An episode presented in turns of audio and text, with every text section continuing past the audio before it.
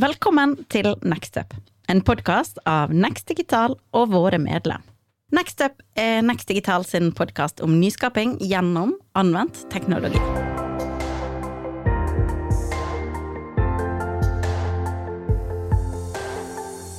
Velkommen. Da er vi i gang igjen med episode nummer åtte i Gartners teknologitrender på sunnmørsk. Og um, Det er hyggelig at dere fortsatt er med, og håper dere har sett alle tidligere. Og Hvis dere ikke har sett tidligere episoder, så gå tilbake og se på dem. De blir liggende på nettsiden vår. Eh, ja, hvor lenge, det vet jeg ikke, men i hvert fall en god stund fremover.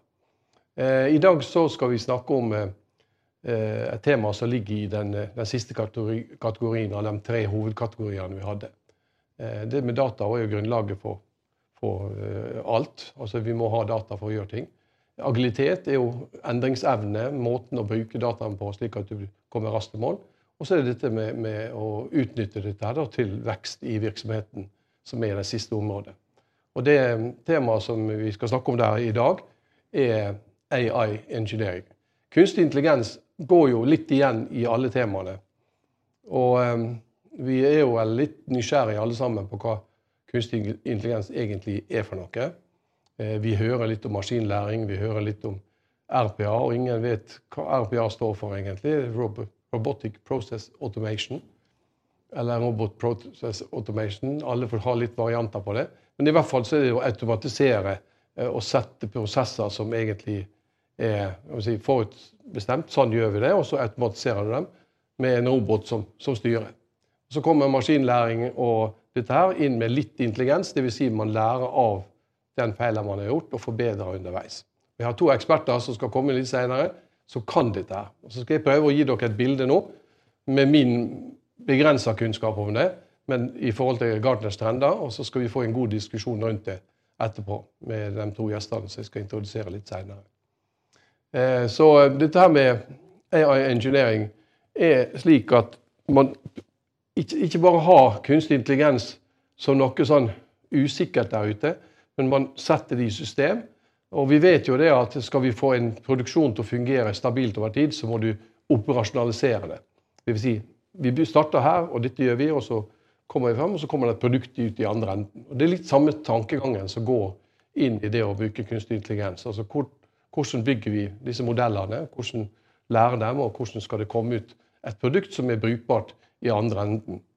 Og Gartner har jo eh, si, en veldig overordna beskrivelse, og jeg skal ikke gå gjennom alle detaljene her, det kan dere være trygg for. Men det kan jo være nyttig å ha noen noe knagger å henge på. Og det er jo dette her med operations og data ops og, og model ops og devops. Alle utviklere har lært seg hva devops er. Så det er operasjonaliseringa av utviklingsarbeidet. Altså hvordan kan du systematisk gjøre det likt og, og og riktig hver gang. På en slik måte at produktet som kommer ut, alltid er testa og grundig satt opp, slik at det fungerer i praksis. Og Når du putter dette inn i da, en sånn kunstig intelligenstankegang, så putter du måten du jobber på med data og modelleringer og til slutt pakketeringer i en applikasjon på en slik måte at det blir tatt i bruk riktig ut hos kunden. Så Da kan du få nye ting gjennom den operasjonaliserte produksjonskjeden. kan du si ut i, eh, til markedet. Og um, det er en teknikk rundt databiten, som er data pipeline. Så der ligger det modeller for hvordan det er. Og hvis dere lurer på litt mer om dette, her, så kan dere få disse slidesa gjennom eh, nettsiden vår og studere det. Og så er det også underliggende dokumentasjon på hva, det, hva som ligger i hver enkelt av disse. her. Den andre er modellpipeline, hvordan en modell kommer på et tidligere arbeid gjennom modelleringer og til si, at modellen blir tatt i bruk i en applikasjon ute hos kunden. Og Disse modellene er det som eh, de som jobber med kunstig intelligens, kanskje bruker mest tid på. Nemlig hvordan du samler masse data, modellerer det, og så blir det da en løsning til slutt ut. Og eh, Dette kan de mer om dem som kommer og skal snakke om det litt etterpå. Eh, den siste biten, deployment pipeline, er kanskje det som har vært eh, mest anvendt av utviklere og sånn tidligere. Men da har ikke de hatt den systematiske modelleringa for produkter. Det er ofte I software-løsninger så lager man mye kode, og sånne ting. Så går man gjennom en sånn DevOps-tankegang for å operasjonalisere en applikasjon. Og det er samme teknikken sånn sett som brukes her. Så Et eksempel her er jo kanskje litt lettere å forholde seg til. Her er tatt ut et som Gartner har på Unity Health i Toronto.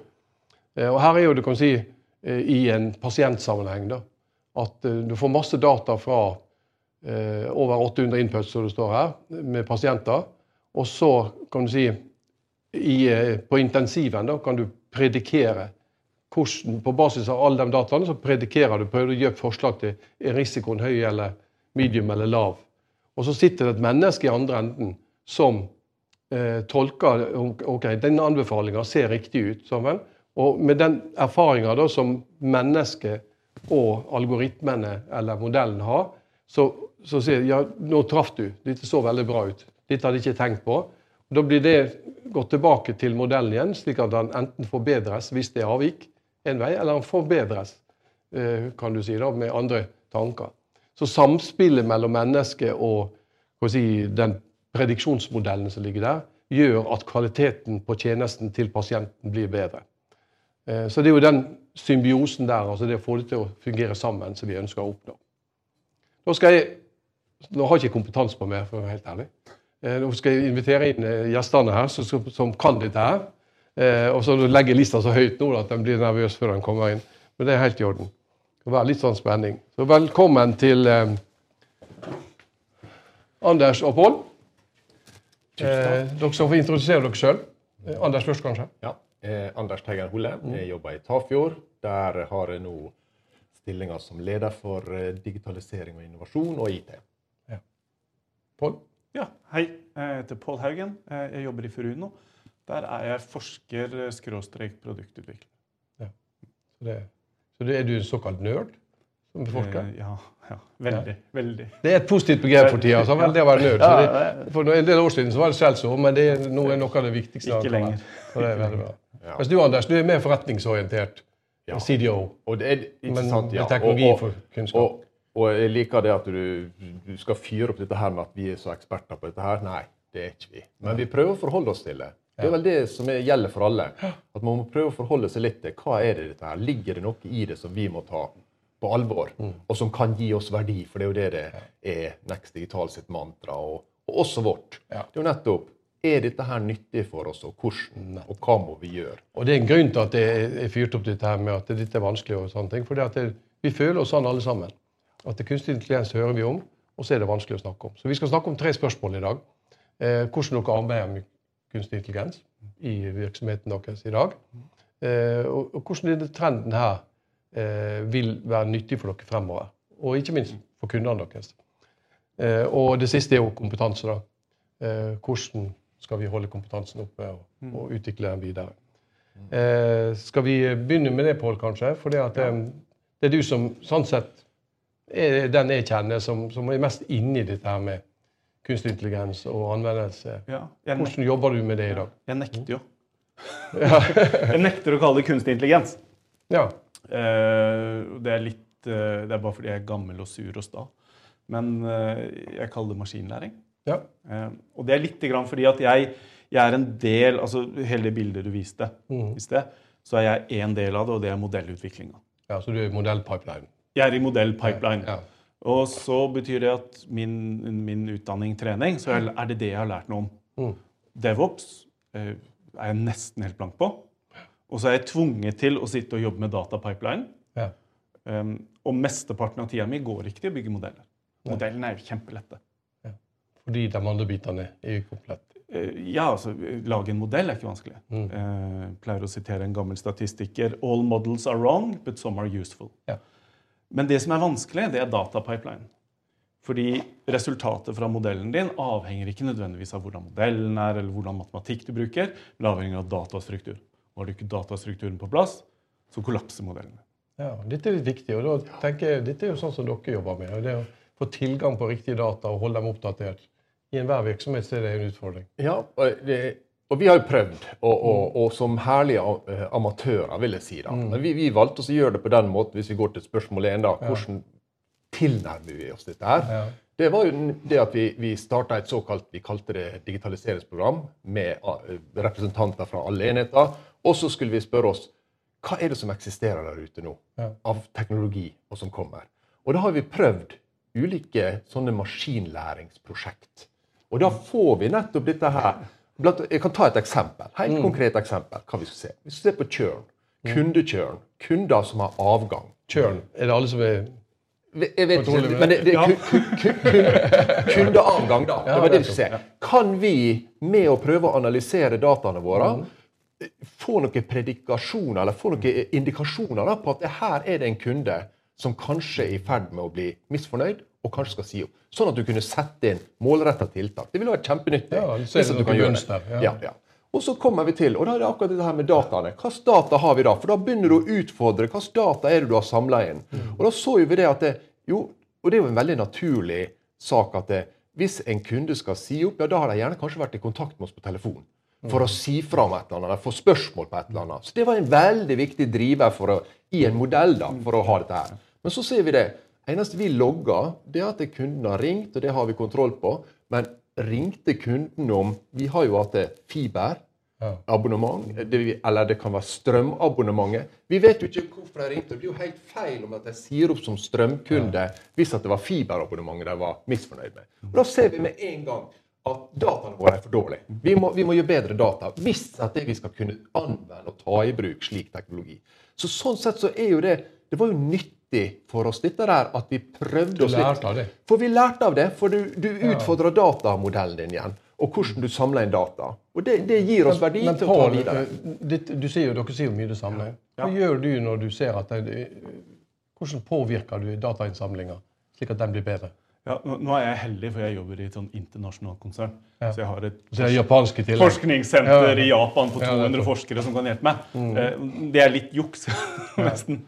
Eh, Det vi gjør da, som jeg mener er kjempeviktig når du har disse tre bolkene du viste, med datapipeline, modellpipeline, DevOps, de henger sammen. Du må se det i en helhet.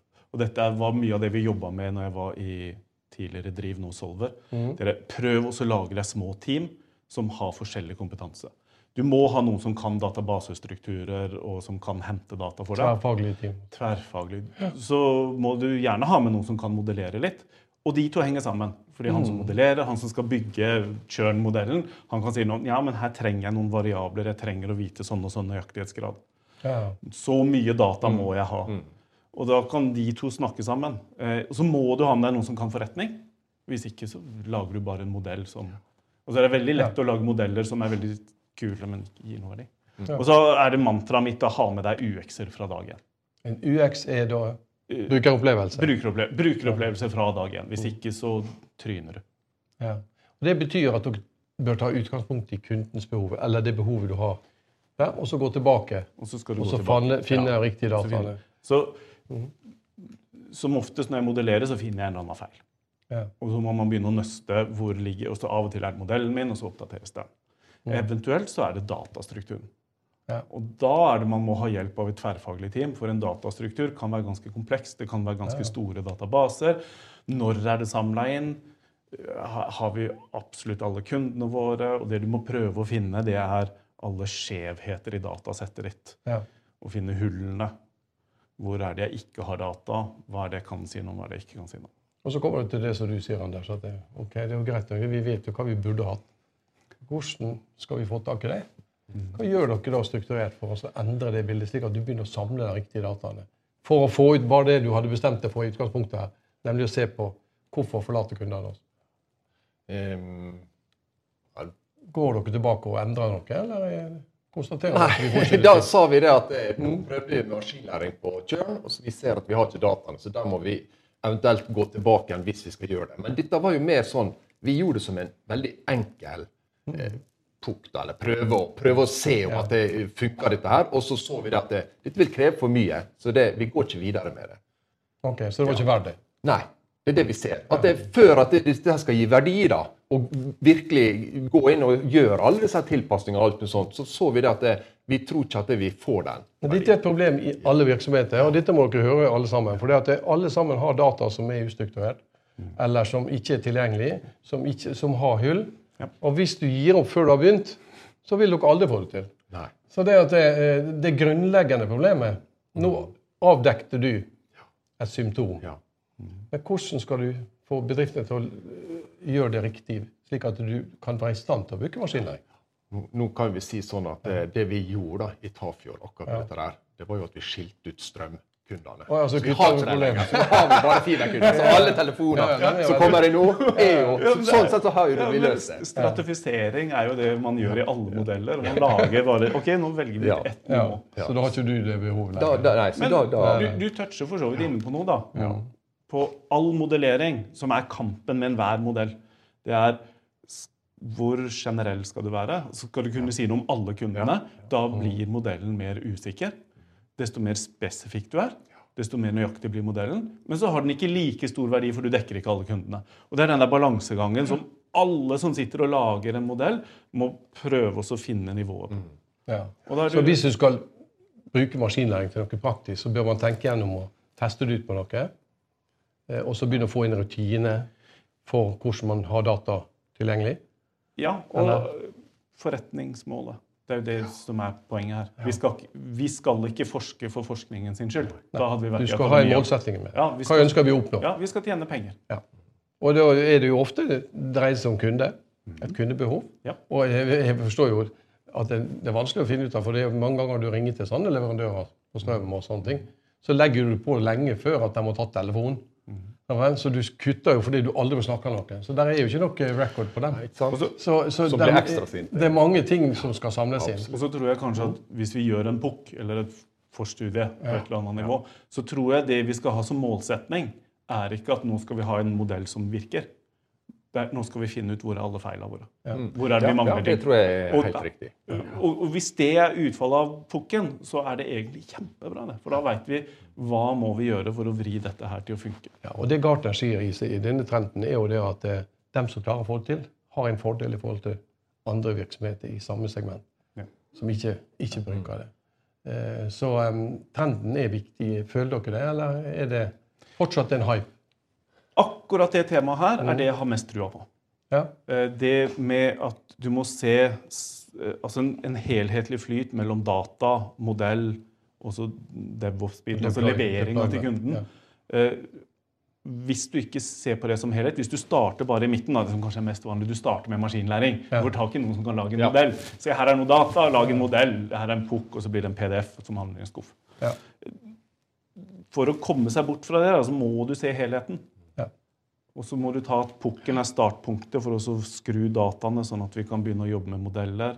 Mm. Så kan vi begynne å levere til kunde. Og så må modellene komme til å bomme. Da må vi ha et system for at de oppdaterer seg. Og så er det pga. at oi, vi hadde glemt noe med data likevel. Så det blir en sånn runddans. Så er det litt dette med tverrfaglighet. da. Tverrfaglighet. Og jeg tror det, altså, Vi har jo Maskinlæringsforum, som Pål eh, administrerer, og vi har andre forum som vi, vi møtes i. Og det å så ikke være redd for å møte opp selv om man er forretningsperson, men å kanskje snakke sammen. Hvordan kan vi anvende dette?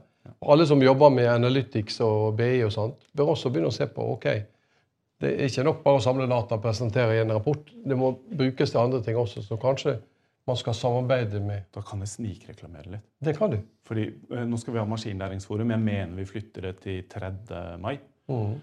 Men da skal vi ikke se på maskinlæring eller AI. Vi skal se på visualisering av data. Nå kan det hende denne episoden går etter. Ja, det kan hende. Ok, Men da har vi i hvert fall hatt det. Ja.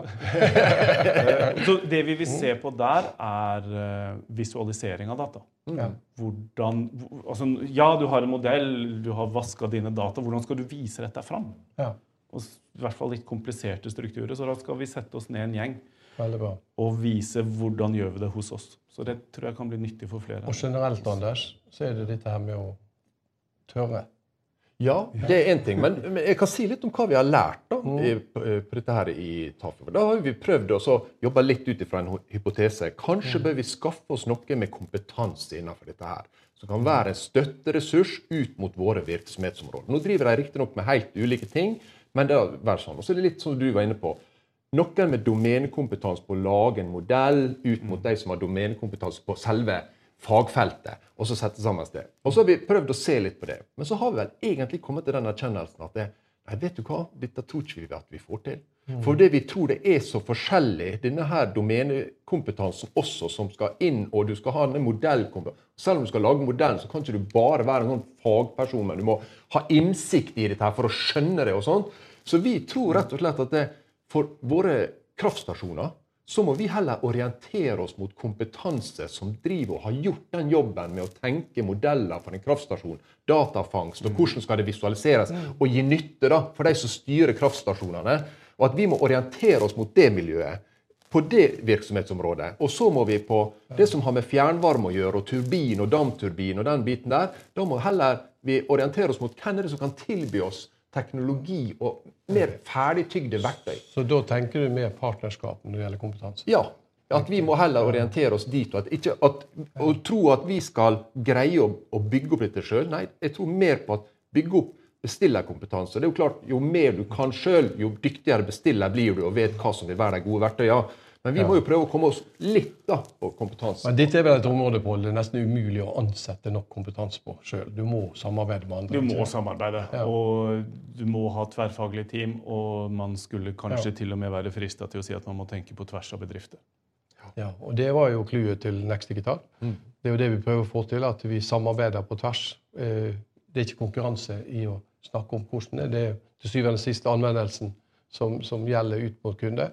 Så uh, fortsett å følge med oss her og delta i samarbeidet med Next Digital. Så vil jeg si tusen takk til dere to for takk å delta. For det var ikke så farlig å være ekspert allikevel. Nei, det er veldig lett å være ekspert. Flott. Takk skal dere ha.